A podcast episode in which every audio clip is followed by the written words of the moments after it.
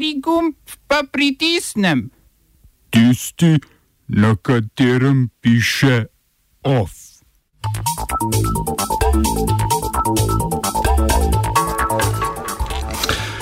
Pomilostitve ameriškega predsednika, da še enkrat, pomilostitve ameriškega predsednika Donalda Trumpa. V Romuniji parlament potrdil novo vlado. Kitajska preizkuje spletnega trgovca Alibaba. Stavka delavcev iskrene enote v Semiču z zahtevo po enakopravnem izplačilu božičnice. V kulturnih novicah, kdo vas žegna, papeževe zmote.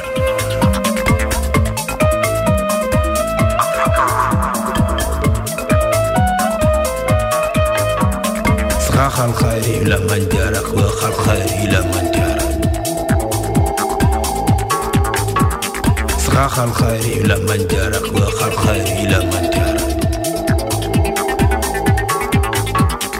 خاخ الخير Potem, ko je ameriški predsednik Donald Trump v torek izkoristil svoj ustavni privilegij pomilostitve za štiri nekdanje zasebne vojaške pogodbenike podjetja BlackRock, ki so leta 2007 v Bagdadu umorili najmanj 14 civilistov, je nadaljeval s pomilostitvijo upletenih v preiskavo v domnevnem ruskem umešavanju v ameriške volitve leta 2016.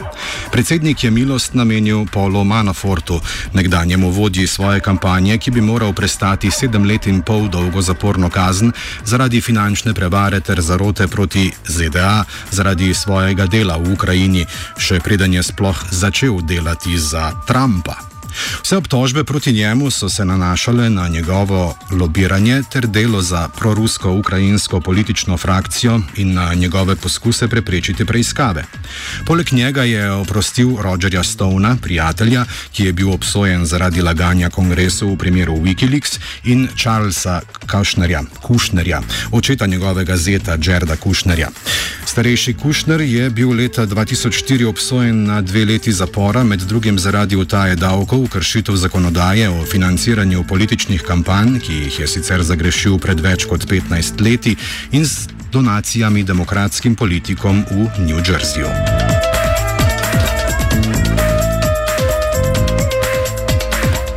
Kitajska je začela s preiskavo proti tehnološkemu podjetju e za e-poslovanje Alibaba, ki ga je ustanovil Jack Ma. Gre za neke vrste kitajsko različico Amazona, ki pa je po širitvi na različne vrste storitev, predvsem plačilnih, že presegal ameriškega dvojčka. Pristojni so Alibaba že opozorili na nedopustnost zahteve, da morajo trgovci podpisati dogovor o sodelovanju, ki jim onemogoča, da bi ponujali produkte na konkurenčnih platformah. Prejšnji mesec je kitajska oblast prvič predstavila osnutek pravil, s katerimi ima namen preprečiti monopolistično delovanje internetnih podjetij. Poleg Alibabe je zaradi enakega razloga na udaru tudi konglomerat Tencent Holdings.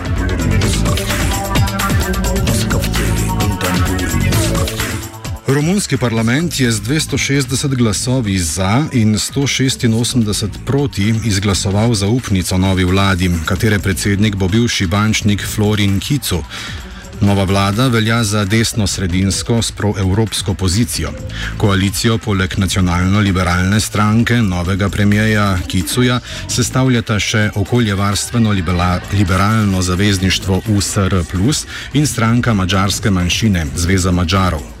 Stranke so dogovor dosegle v ponedeljek in določile novega mandatarja potem, ko je predsednik nacionalno-liberalne stranke Ludovik Orban zaradi slabega rezultata na volitvah odstopil. Zdaj sicer vladajoča stranka na volitvah namreč ni zmagala, zmagali so socialdemokrati, ki pa niso mogli sestaviti vlade. Novi ministri naj bi pred predsednikom države Klausom Johannisom prisegli še danes.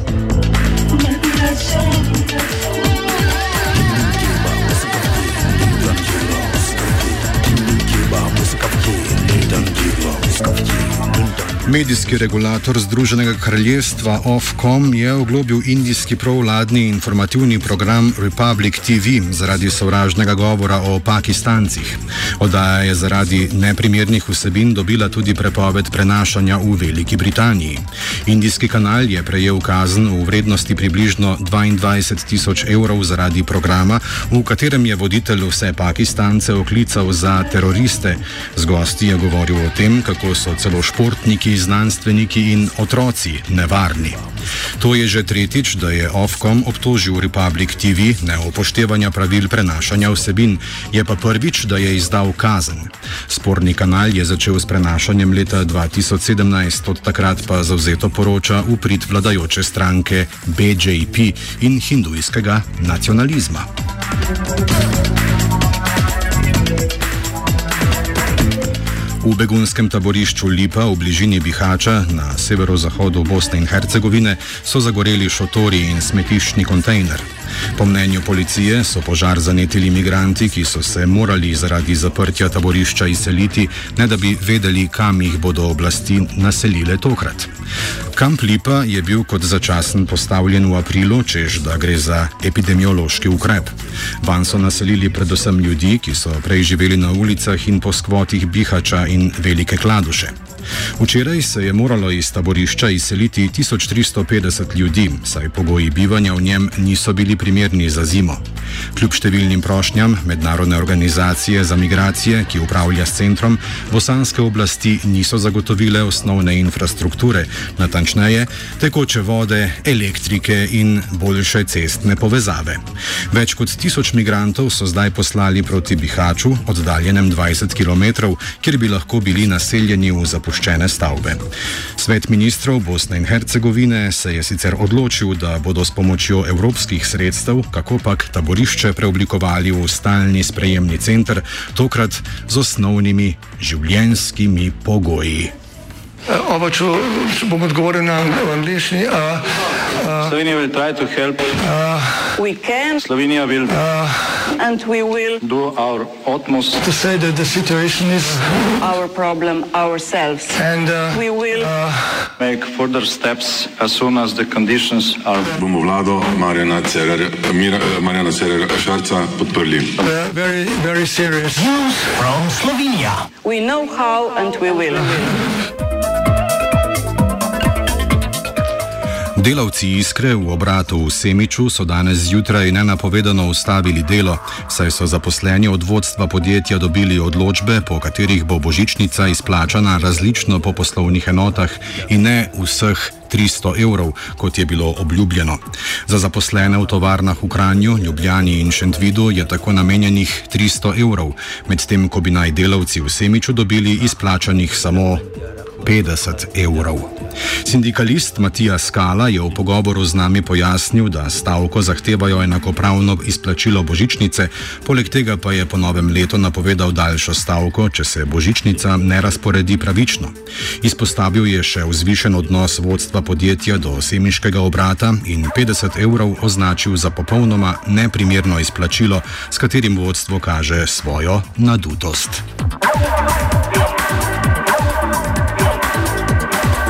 Off je pripravila Aida.